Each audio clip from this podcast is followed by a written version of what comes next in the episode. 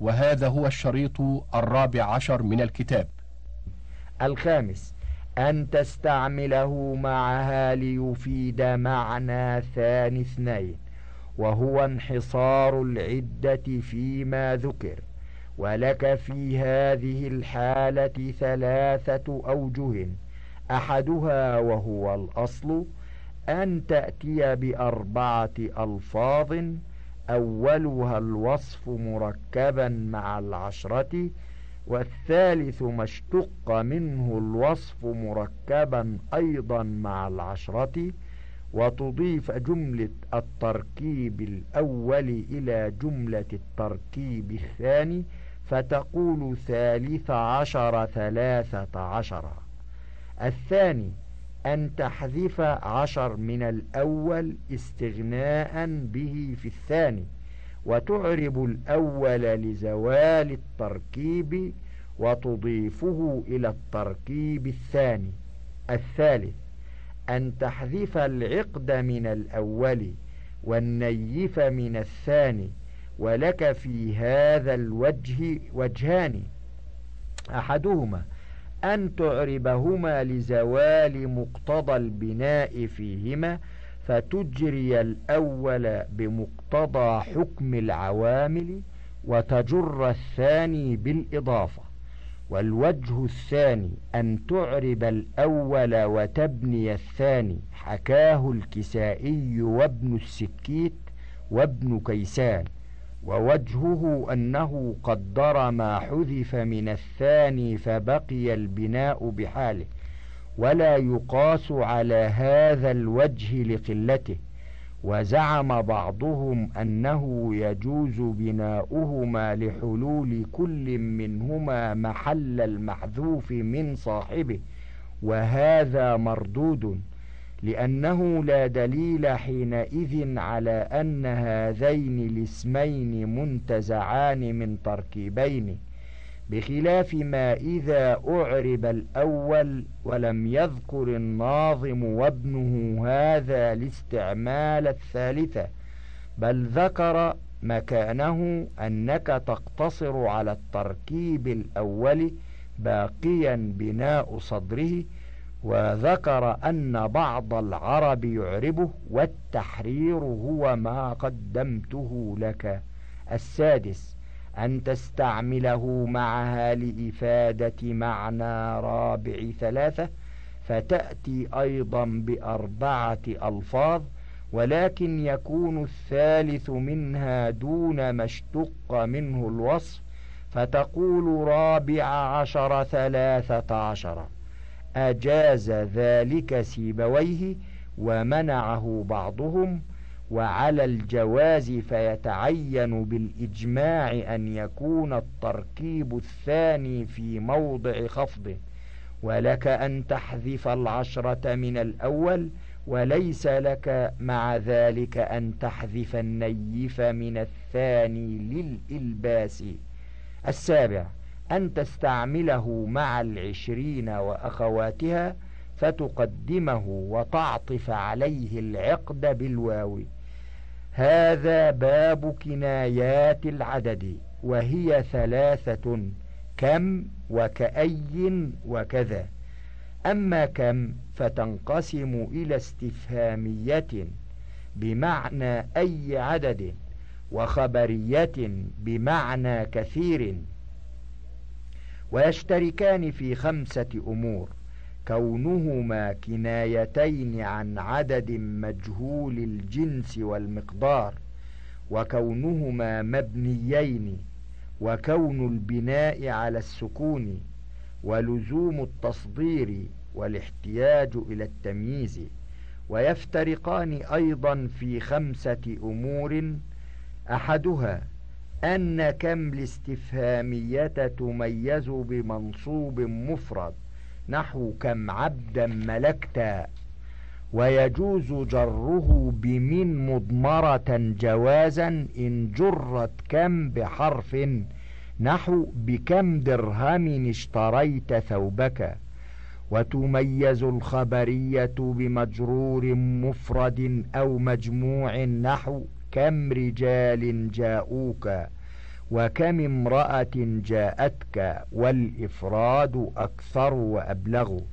والثاني أن الخبرية تختص بالماضي كرب لا يجوز كم غلمان سأملكهم كما لا يجوز رب غلمان سأملكهم ويجوز كم عبدا ستشتريه. والثالث أن المتكلم بها لا يستدعي جوابا من مخاطبه. والرابع أنه يتوجه إليه التصديق والتكذيب. والخامس أن المبدل منه لا يقترن بهمزة الاستفهام. تقول كم رجال في الدار عشرون بل ثلاثون. ويقال كم مالك؟ أعشرون أم ثلاثون؟ تنبيه يروى قول الفرزدق كم عمة لك يا جرير وخالة؟ فادعاء قد حلبت علي عشاري بجر عمة وخالة على أن كم خبرية وبنصبهما. فقيل إن تميما تجيز نصبا. مميز الخبرية مفردا وقيل على الاستفهام التهكمي وعليهما فهي مبتدأ وقد حلبت خبر والتاء للجماعة لأنهما عمات وخالات وبرفعهما على الابتداء وحلبت خبر للعمة أو الخالة. وخبر الأخرى محذوف وإلا لقيل قد حلبتا والتاء في حلبت للوحدة لأنهما عمة واحدة وخالة واحدة وكم نصب على المصدرية أو الظرفية أي كم حلبة أو وقتا وأما كأي فبمنزلة كم الخبرية في إفادة التكثير وفي لزوم التصدير وفي انجرار التمييز إلا أن جره بمن ظاهرة لا بالإضافة. قال الله تعالى وكأي من دابة لا تحمل رزقها الله يرزقها وإياكم. وقد ينصب كقول الشاعر اطرد اليأس بالرجا فكأي آلما حم يسره بعد عسر وأما كذا فيكنى بها عن العدد القليل والكثير ويجب في تمييزها النصب وليس لها الصدر فلذلك تقول قبضت كذا وكذا درهما. تعليق البيت الذي مضى الآن من الخفيف ولم ينسب إلى قائل معين. وقوله اطرد أراد منه هنا معنى أزل وأبعد ونحي عن نفسه. اليأس قطع الطماعية في نيل الشيء والقنوط من أن تحصل عليه ونفي الأمل فيه. بالرجاء هو ترقب الشيء وتوقعه وانتظار حصوله. كأي معناه هنا كثير. آلما اسم فاعل من قولهم ألم فلان من كذا يألم ألما من باب تعب يتعب تعبا وهو أحد الأفعال التي جاءت من باب تعب وجاء منها اسم الفاعل على زنة ضارب وقاتل وكاتب حم هيئ وقدر وكتب والشاهد في البيت قوله آلما فإنه تمييز لقوله كأي وقد ورد في هذا البيت منصوبا فدل على أن تمييز كأي كما يكون مجرورا بمن في قوله تعالى وكأي من نبي قاتل معه ربيون كثير يكون منصوبا كما في البيت. وهذا بخلاف تمييز كم الخبرية الذي لا يكون منصوبا. انتهى التعليق. هذا باب الحكاية. حكاية الجمل مضطردة بعد القول. نحو قال إني عبد الله. ويجوز حكايتها على المعنى فتقول في حكاية زيد قائم قال عمرو قائم زيد. فإن كانت الجملة ملحونة تعين المعنى على الأصح. وحكاية المفرد في غير الاستفهام شاذة كقول بعضهم ليس ليس بقرشيا. ردا على من قال إن في الدار قرشيا. وأما في الاستفهام فإن كان المسؤول عنه نكرة والسؤال بأي أو بمن حكي في لفظ أي وفي لفظ من ما ثبت لتلك النكرة المسؤول عنها من رفع ونصب وجر وتذكير وتأنيث وإفراد وتثنية وجمع تقول لمن قال رأيت رجلا وامرأة وغلامين وجاريتين وبنين وبنات أيا وأية وأيين وأيتين وأيين وأيات وكذلك تقول في من إلا أن بينهما فرقا من أربعة أوجه.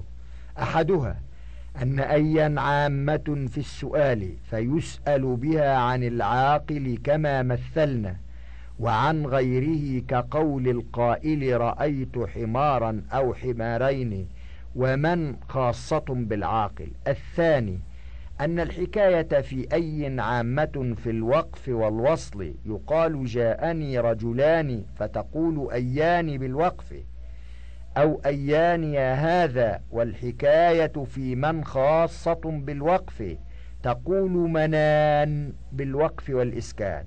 وإن وصلت قلت من يا هذا؟ وبطلت الحكاية. فأما قوله أتوا ناري فقلت منون أنتم فقالوا الجن قلت عموا ظلاما فنادر في الشعر ولا يقاس عليه خلافا ليونس التعليق. هذا الشاهد من كلام شمير بالشين المعجمة وهو من شواهد سيبويه ولم ينسبه ولا نسبه الأعلم في شرح شواهده. والذي ذكره المؤلف صدر بيت من الوافر كما ورد في كتاب سيبويه وقد روي عجزه فقالوا الجن قلت عموا ظلاما. اللغة أتوا أراد حضروا وجاءوا نار أراد النار التي أوقدها لترشد السائرين إليه وكان من عادتهم أن يوقد كرماؤهم النار على مرتفع من الأرض إذا كانوا في قحط أو مجاعة ليراها السائر في الليل فيقصدها منون أنتم أراد من أنتم؟ الجن ضرب من الخليقة خلاف الإنس. سموا بذلك لأنهم يستترون عن أعين الناس وأصل الاجتنان لاستطار. ومنه سموا الجنين لكونه مستترا في بطن أمه. وقالوا الجنة للبستان لكون ما فيه من الشجر الكثيف يستر من يدخله. عم ظلاما إحدى تحايا العرب يقولون عم صباحا وعم مساء وعم ظلاما. وارجع في اشتقاقها وبيان أصلها إلى شرح الشاهد رقم 49 الذي مضى في باب الموصول. الشاهد في هذا البيت قوله منون أنتم فإنه شاذ نادر في الشعر كما قال المؤلف.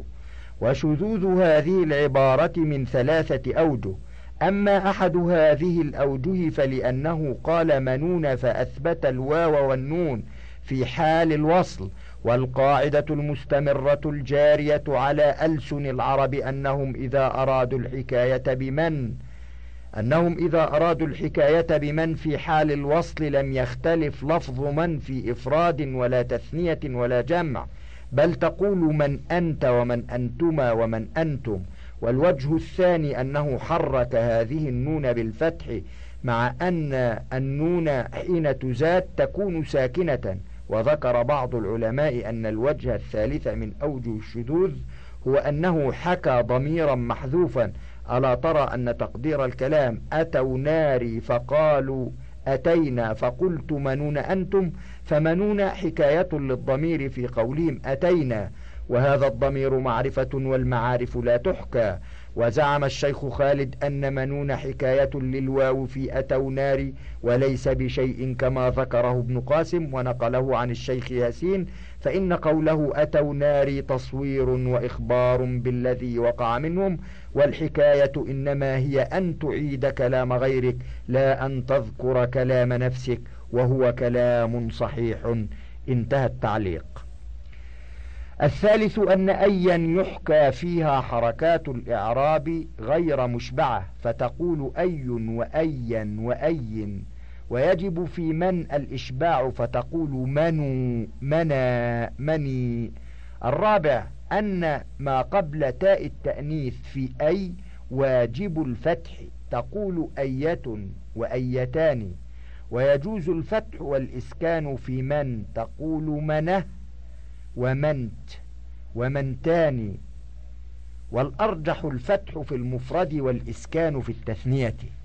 وإن كان المسؤول عنه علما لمن يعقل غير مقرون بتابع وأداة السؤال من غير مقرونة بعاطف فالحجازيون يجيزون حكاية إعرابه فيقولون من زيدا لمن قال رأيت زيدا. ومن زيد لمن قال مررت بزيد وتبطل الحكاية في نحو من زيد لأجل العاطف وفي نحو من غلام زيد لانتفاء العلمية وفي نحو من زيد الفاضل لوجود التابع ويستثنى من ذلك أن يكون التابع ابنا متصلا بعلم كرأيت زيد بن عمرو أو علما معطوفا كرأيت زيدا وعمرا فتجوز فيهما الحكاية على خلاف في الثانية. هذا باب التأنيث. لما كان التأنيث فرع التذكير احتاج لعلامة وهي إما تاء محركة وتختص بالأسماء كقائمة أو تاء ساكنة وتختص بالأفعال كقامت وإما ألف مفردة كحبلى أو ألف قبلها ألف فتقلب هي همزة كحمراء ويختصان بالأسماء. وقد أنثوا أسماء كثيرة بتاء مقدرة ويستدل على ذلك بالضمير العائد عليها. نحو النار وعدها الله الذين كفروا حتى تضع الحرب أوزارها. وإن جنحوا للسلم فاجنح لها وبالإشارة إليها نحو هذه جهنم وبثبوتها في تصغيره نحو عيينة وأذينة أو في فعله نحو لما فصلت العير وبسقوطها من عدده كقوله وهي ثلاث أذرع وإصبع أرمي عليها وهي فرع أجمع. فصل. الغالب في التاء أن تكون لفصل صفة المؤنث من صفة المذكر كقائمة وقائم. ولا تدخل هذه التاء في خمسة أوزان. أحدها فعول بمعنى فاعل كرجل صبور وامرأة صبور ومنه وما كانت أمك بغيا. أصله بغويا ثم أدغم وأما قولهم امرأة ملولة فالتاء للمبالغة بدليل رجل ملولة وأما امرأة عدوة فشاذ محمول على صديقة.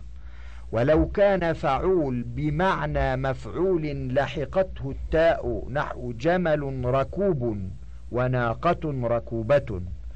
والثاني فعيل بمعنى مفعول نحو رجل جريح وامرأة جريح وشذ ملحفة جديدة فإن كان فعيل بمعنى فاعل لحقته التاء نحو امرأة رحيمة وظريفة فإن قلت مررت بقتيلة بني فلان ألحقت التاء خشية الإلباس لأنك لم تذكر الموصوفة والثالث مفعال كمنحار وشذ ميقانه والرابع مفعيل كمعطير وشذ امرأة مسكينة وسمع مسكين على القياس والخامس مفعل كمغشم ومدعس وتأتي التاء لفصل الواحد من الجنس كثيرا كتمرة ولعكسه في جبأة وكمأة خاصة وعوضا من فاء كعدة أو من لام كسنة أو من زائد لمعنى كأشعاثي وأشاعثة أو من زائدة لغير معنى كزنديق وزنادقة وللتعريب كموازجة وللمبالغة كراوية ولتأكيدها كنسابة ولتأكيد التأنيث كنعجة.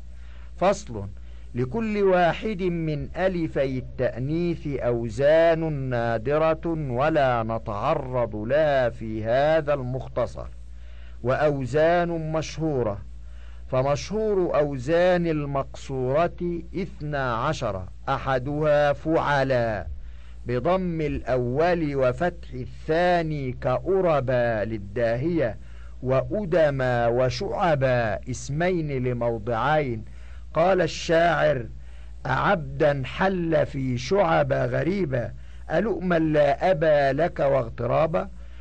وزعم ابن قتيبة أنه لا رابع لها ويرد عليه أرب أرنا بالنون لحب يجبن به اللبن وجنفا لموضع وجعبا لعظام النمل وقد تبين أن عد الناظم لفعلا في الأوزان المشهورة مشكل. الثاني فعلا بضم الأول وسكون الثاني اسما كبهما أو صفة كحبلى وطولا أو مصدرا كرجعا. الثالث فعل بفتحتين اسما كان كبرد لنهر بدمشق أو مصدرا كمرط لمشية أو صفة أو صفة كحيدا الرابع فعل بفتح أوله وسكون ثانية بشرط أن يكون إما جمعا كقتلى وجرحى أو مصدرا كدعوى. أو صفة كسكرى وسيفا مؤنثي سكران وسيفان للطويل. فإن كان فعل اسما كأرطى وعلقى ففي ألفه وجهان التأنيث أو الإلحاق. الخامس فعالى بضم أوله كحبارى وسمانا لطائرين. وفي الصحاح أن ألف حبارى ليست للتأنيث وهو وهم فإنه قد وافق على أنه ممنوع من الصرف. السادس فعل بضم أوله وتشديد ثانية مفتوحا كسمها للباطل. السابع فعل بكسر أوله وفتح ثانية وسكون ثالثه كصبطرا ودفق لضربين من المشي الثامن فعل بكسر أوله وسكون ثانية إما مصدرا كذكرى أو جمعا وذلك حجلا جمعا للحجل بفتحتين اسما لطائر وضربا بالضاء. المشالة جمعا لضربان بفتح أوله وكسر ثانية اسما لدويبة ولا ثالث لهما في الجموع. التاسع فعيلا بكسر أوله وثانيه مشددا نحو حثيثا وخليفا. وحكى الكسائي هو من خصيصاء قومه بالمد وهو شاذ. العاشر فعل بضم أوله وثانيه وتشديد ثالثه ككفر لوعاء الطلع وحذر وبذر من الحذر والتبذير الحادي عشر. فعيل بضم أوله وفتح ثانية مشددا كخليطا للاختلاط وقبيطا للناطف والناطف ضرب من الحلواء. سمي بذلك لأنه ينطف أي يستقطر قبل خثورته. الثاني عشر فعالا نحو شقارا وخبازا لنبتين وخضارا لطائر. تنبيه نحو جنفا وخليفا وخليطا ليس من الأوزان المختصة بالمقصورة بدليل عرواء وفخراء ودخيلاء. ومشهور أوزان المودود الممدودة سبعة عشرا أحدها فعلاء بفتح أوله وسكون ثانية اسما كصحراء أو مصدرا كرغباء أو صفة كحمراء وديمة هطلاء أو جمعا في المعنى كطرفاء والثاني والثالث والرابع أفعلاء بفتح العين وأفعلاء بكسر العين وأفعلاء بضم العين كقولهم يوم الأرب الأربعاء الأربعاء الأربعاء. سمع فيه الأوزان الثلاثة. الخامس فعللاء كعقرباء لمكان. السادس فعالا بكسر الفاء كقصاصا للقصاص. السابع فعل لا بضم الأول والثالث. نحو قرفصا الثامن فاعلا بضم الثالث كعاشورا. التاسع فاعلا بكسر الثالث كقاصعا لأحد جحرة اليربوع. العاشر فعليا بكسر الأول وسكون الثاني نحو كبرياء. السادس عشر مف... الحادي عشر مفعولا كمشيوخا. الثاني عشر فعالا بفتح أوله وثانيه نحو براساء بمعنى الناس يقال ما أدري أي البراساء هو وبراكاء بمعنى البروق. الثالث عشر فعيلا بفتح أوله وكسر ثانية نحو قريناء وكريثاء نوعان من البصر الرابع عشر فعولاء بفتح أوله وضم ثانية نحو دبوقاء. الخامس عشر فعلاء بفتحتين كخفقاء لموضع قاله ابن الناظم وإنما هو بالجيم والنون والفاء ولا نظير له إلا دأثاء للأمة وقرماء لموضع وعلى هذا فعد الناظم لذلك في المشهور مشكل وفي المحكم أن جنف بالجيم والنون والفاء والقصر موضع وأنه بالمد أيضا جنفاء. السادس عشر في علاء بكسر أوله وفتح ثانية نحو سيرا. السابع عشر فعلاء بضم أوله وفتح ثانية كخيلاء. هذا باب المقصور والممدود.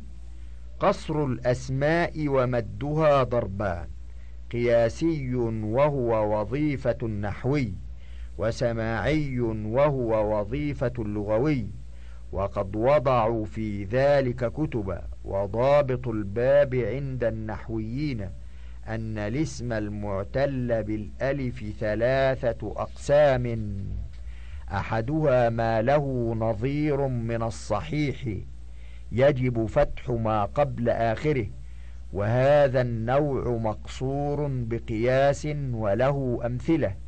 منها كونه مصدر فعل اللازم نحو جوا جوي جوا وهوي هوا وعمي عما فإن نظيرها من الصحيح فرح فرحا وأشر أشرا.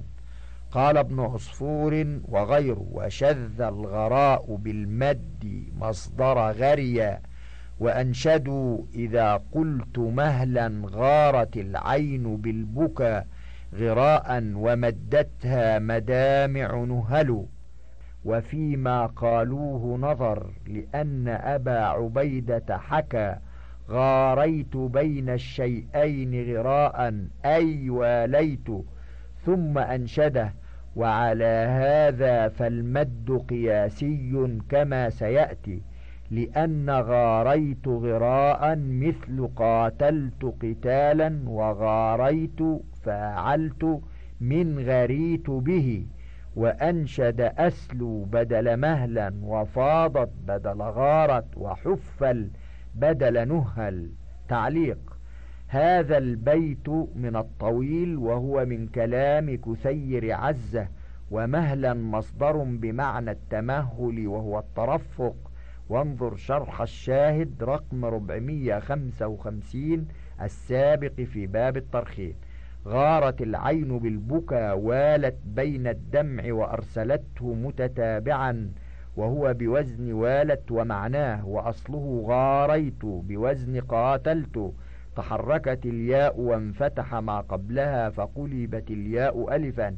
ثم حذفت الألف للتخلص من التقاء الساكنين. فصارت غارت ويروى فاضت وهو من قولهم فاض ماء النهر وذلك إذا زاد عن ارتفاع الشاطئ فسال على الوادي وغراء مصدر بمعنى المتابعة والولاء. وهذا هو الصواب الذي ذكره المؤلف عن أبي عبيدة. مدتها أعانتها وكانت لها مددا نهل أي كثيرة. والشاهد في قوله غراء فإن ابن عصفور أنشده بفتح الغين المعجمة وذكر أنه مصدر غري بالشيء مثل فرح فهو به غر مثل شج وعم وحر وقال إن مده شاذ وقياسه القصر وقد رد المؤلف ذلك ونقل عن جماعة من نقلة اللغة أن الرواية بكسر الغين وأن فعله غار فهو مثل قاتل قتالا وعلى ذلك فمده قياس انتهى التعليق. ومنها فعل بكسر أوله وفتح ثانية جمعا لفعله بكسر أوله وسكون ثانية نحو فرية وفرا ومرية ومرا فإن نظيره قربة وقرب. ومنها فعل بضم أوله وفتح ثانية جمعا لفعله بضم أوله وسكون ثانية. نحو دمية ودما ومدية ومدى وزبية وزبا وكسوة وكسا فإن نظيره حجة وحجج وقربة وقرب. ومنها اسم مفعول ما زاد على ثلاثة نحو معطى ومستدعى فإن نظيره مكرم ومستخرج. الثاني أن يكون له نظير من الصحيح يجب قبل آخره ألف وهذا النوع ممدود بقياس وله أمثلة منها أن يكون الاسم مصدرا لأفعل. أو لفعل أوله همزة وصل كأعطى إعطاء وارتأى ارتئاء واستقصى استقصاء. فإن نظير ذلك أكرم إكراما واكتسب اكتسابا واستخرج استخراجا. ومنها أن يكون مفردا لأفعله نحو كساء وأكسية ورداء وأردية فإن نظيره حمار وأحمرة وسلاح وأسلحة. ومن ثم قال الأخفش أرحية وأقفية من كلام المولدين لأن رحا وقفا مقصوران. وأما قوله لا يبصر في ليلة من جمادى ذات أندية لا يبصر الكلب في ظلمائها الطنبة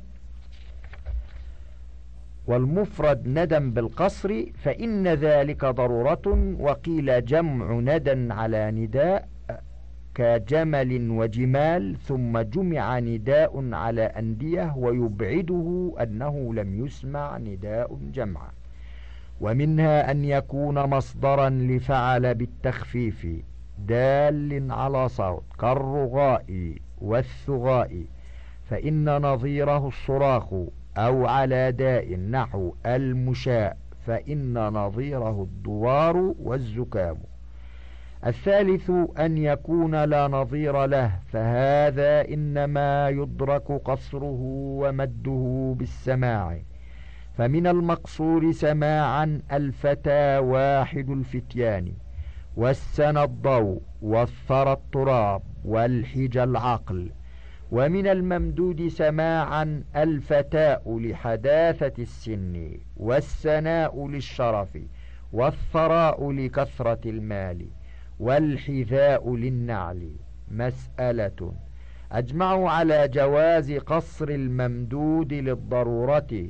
كقول الشاعر لا بد من صنعى وإن طال السفر ولو تحنى كل عود ودبر. وقوله وأهل الوفى من حادث وقديم وصدره فهم مثل الناس الذي يعرفونه ولم ينسب لقائل بعينه واختلفوا في جواز مد المقصور للضرورة فأجازه الكوفيون متمسكين بنحو قول الشاعر سيغنيني الذي أغناك عني فلا فقر يدوم ولا غناء ومنعه البصريون وقدروا الغناء في البيت مصدرا لغانيت لا مصدرا لغنيت وهو تعسف. هذا باب كيفية التثنية. الاسم على خمسة أنواع أحدها الصحيح كرجل وامرأة. الثاني المنزل منزلة الصحيح كظبي ودلو. الثالث المعتل المنقوص كالقاضي. وهذه الأنواع الثلاثة يجب ألا تغير في التثنية. تقول رجلان وامرأتان وظبيان ودلوان والقاضيان. وشذ في ألية وخصية أليان وخصيان. وقد ورد من ذلك في تثنية خصية قول الراجز كأن خصييه من التدلدل ظرف عجوز فيه ثنت حنظل. وقد ورد من ذلك في تثنية ألية قول الراجز ترتج ألياه ارتجاج الوطب. وقد ثنى عنطرة أليا على الأصل فأثبت التاء وذلك في قوله متى ما تلقني فردين ترجف روانف, أليي روانف أليتيك وتستطار. الرابع المعتل المقصور وهو نوعان.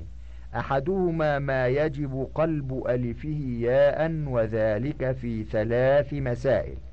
إحداها أن تتجاوز ألفه ثلاثة أحرف كحبلى وحبليان وملهى وملهيان وشذ قولهم في تثنية قهقرى وخوزلا قهقران وخوزلان بالحذف. الثانية أن تكون ثالثة مبدلة من ياء كفتى قال الله تعالى ودخل معه السجن فتيان وشذ في حما حموان بالواو لأن ألفه منقلبة على الياء بدليل حميت الحمى أحميه حمية من مثال رميت الشيء أرميه.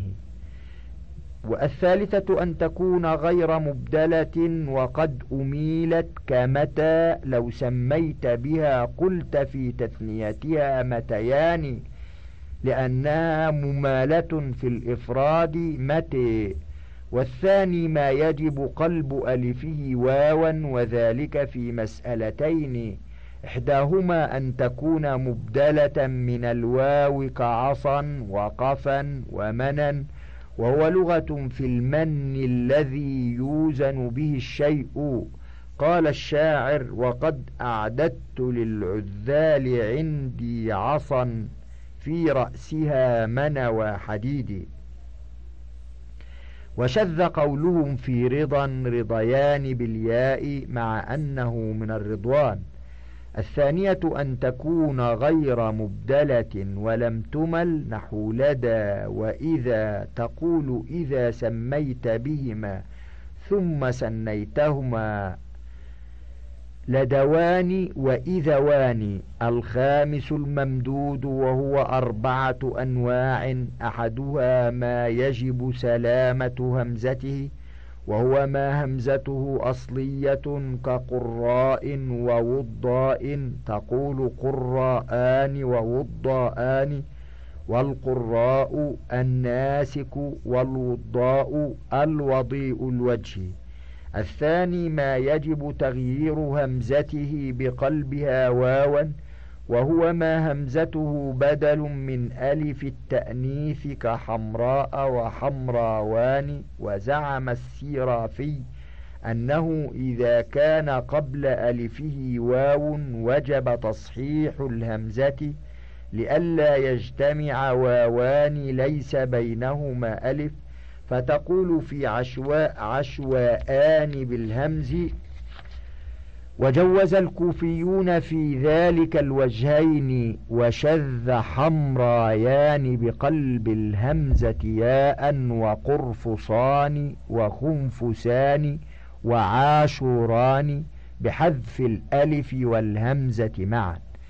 الثالث ما يترجح فيه التصحيح على الإعلال وهو ما همزته بدل من أصل نحو كساء وحياء أصلهما كساو وحياي وشذ كسايان. الرابع ما يترجح فيه الإعلال على التصحيح وهو ما همزته بدل من حرف الإلحاق كعلباء وقوباء. أصلهما علباي وقوباي بياء زائدة فيهما لتلحقهما بقرطاس وقرناس ثم أبدلت الياء همزة وزعم الأخفش وتبعه الجزولي أن الأرجح في هذا الباب أيضا التصحيح وسيبويه إنما قال إن القلب في علباء أكثر منه في كساء. تعليق.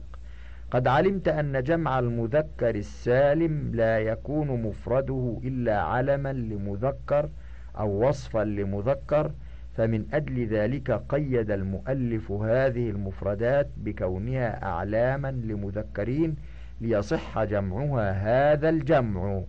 هذا باب كيفية جمع الاسم جمع مذكر السالم. ويسمى الجمع الذي على هجائين والجمع الذي على حد المثنى لأنه أعرب بحرفين وسلم فيه بناء الواحد وختم بنون زائدة تحذف للإضافة. اعلم أنه يحذف لهذا الجمع ياء المنقوص وكسرتها فتقول القاضون والداعون وألف المقصور دون فتحتها فتقول الموسون وفي التنزيل وأنتم الأعلون وإنهم عندنا لمن المصطفين الأخيار. ويعطى الممدود حكمه في التثنية فتقول في وضاء وضاؤون بالتصحيح. وفي حمراء علما لمذكر حمراوون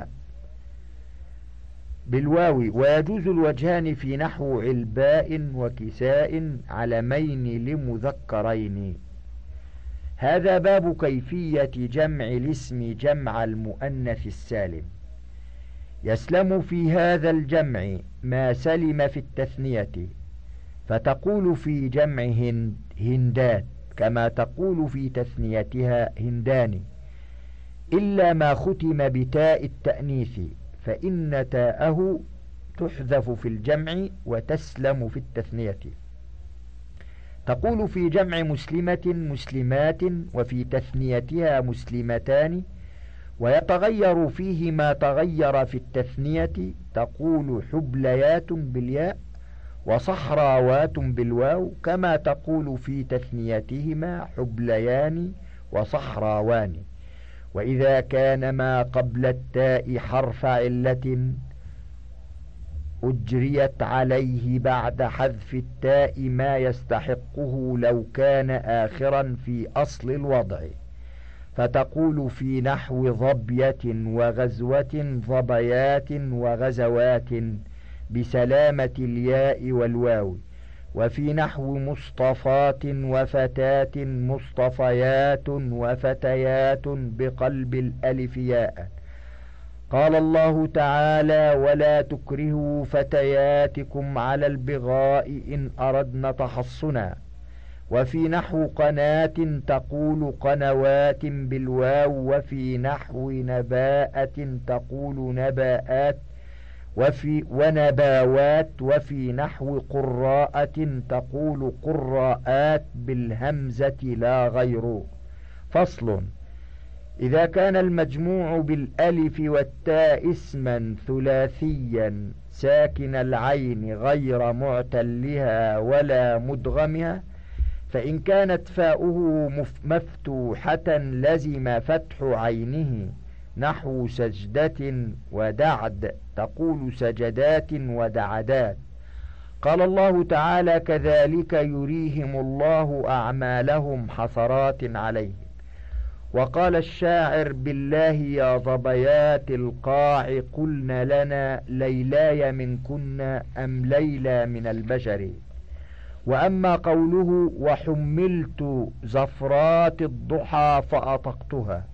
وما لي بزفرات العشي يدان فضرورة حسنة لأن العين قد تسكن للضرورات مع الإفراد والتذكير كقوله يا عمرو يا ابن الأكرمين نسبا.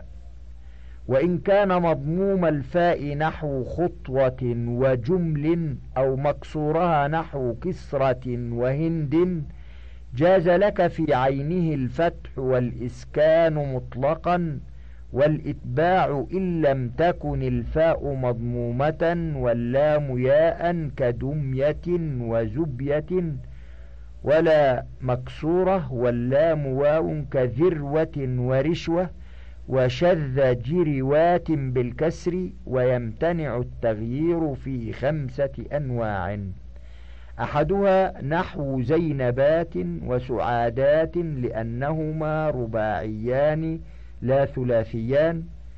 الثاني نحو ضخمات وعبلات لأنهما وصفان لاسمان وشذ كهلات بالفتح ولا ينقاس خلافا لقطرب. الثالث نحو شجرات وتمرات ونمرات لأنهن محركات الوسط نعم يجوز الإسكان في سمرات ونمرات وكذلك كل اسم ثلاثي مضموم العين أو مكسورها والعين صحيحة أو فعل كذلك فإنه يجوز تخفيفه بإسكان عينه وقد ورد من ذلك جملة صالحة من الشعر العربي فمن ذلك في الفعل المكسور العين قول الأخطل فإن يهجه يضجر كما ضجر بازل من الأدم ضبرت صفحتاه وغاربه.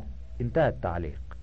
وذلك كما كان جائزا في المفرد لا أن ذلك حكم تجدد حالة الجمع. الرابع نحو جوزات وبيضات لاعتلال العين قال الله تعالى في روضات الجنات وهذيل تحرك نحو ذلك وعليه قراءة بعضهم ثلاث عورات لكم وقول الشاعر أخو بيضات رائح متأوب رفيق بمسح المنكبين سبوح تعليق نسبوا هذا الشاهد لشاعر من شعراء هذيل ولم يعينوه وقد بحثت عنه طويلا في أشعار الهذليين فلم أعثر عليه والذي أنشده المؤلف صدر بيت من الطويل وأخو بيضات أي صاحب بيضات وملازم لهن والبيضات جمع بيضة وهي معروفة للحيوان ذي الريش رائح اسم الفاعل من راح يروح رواحا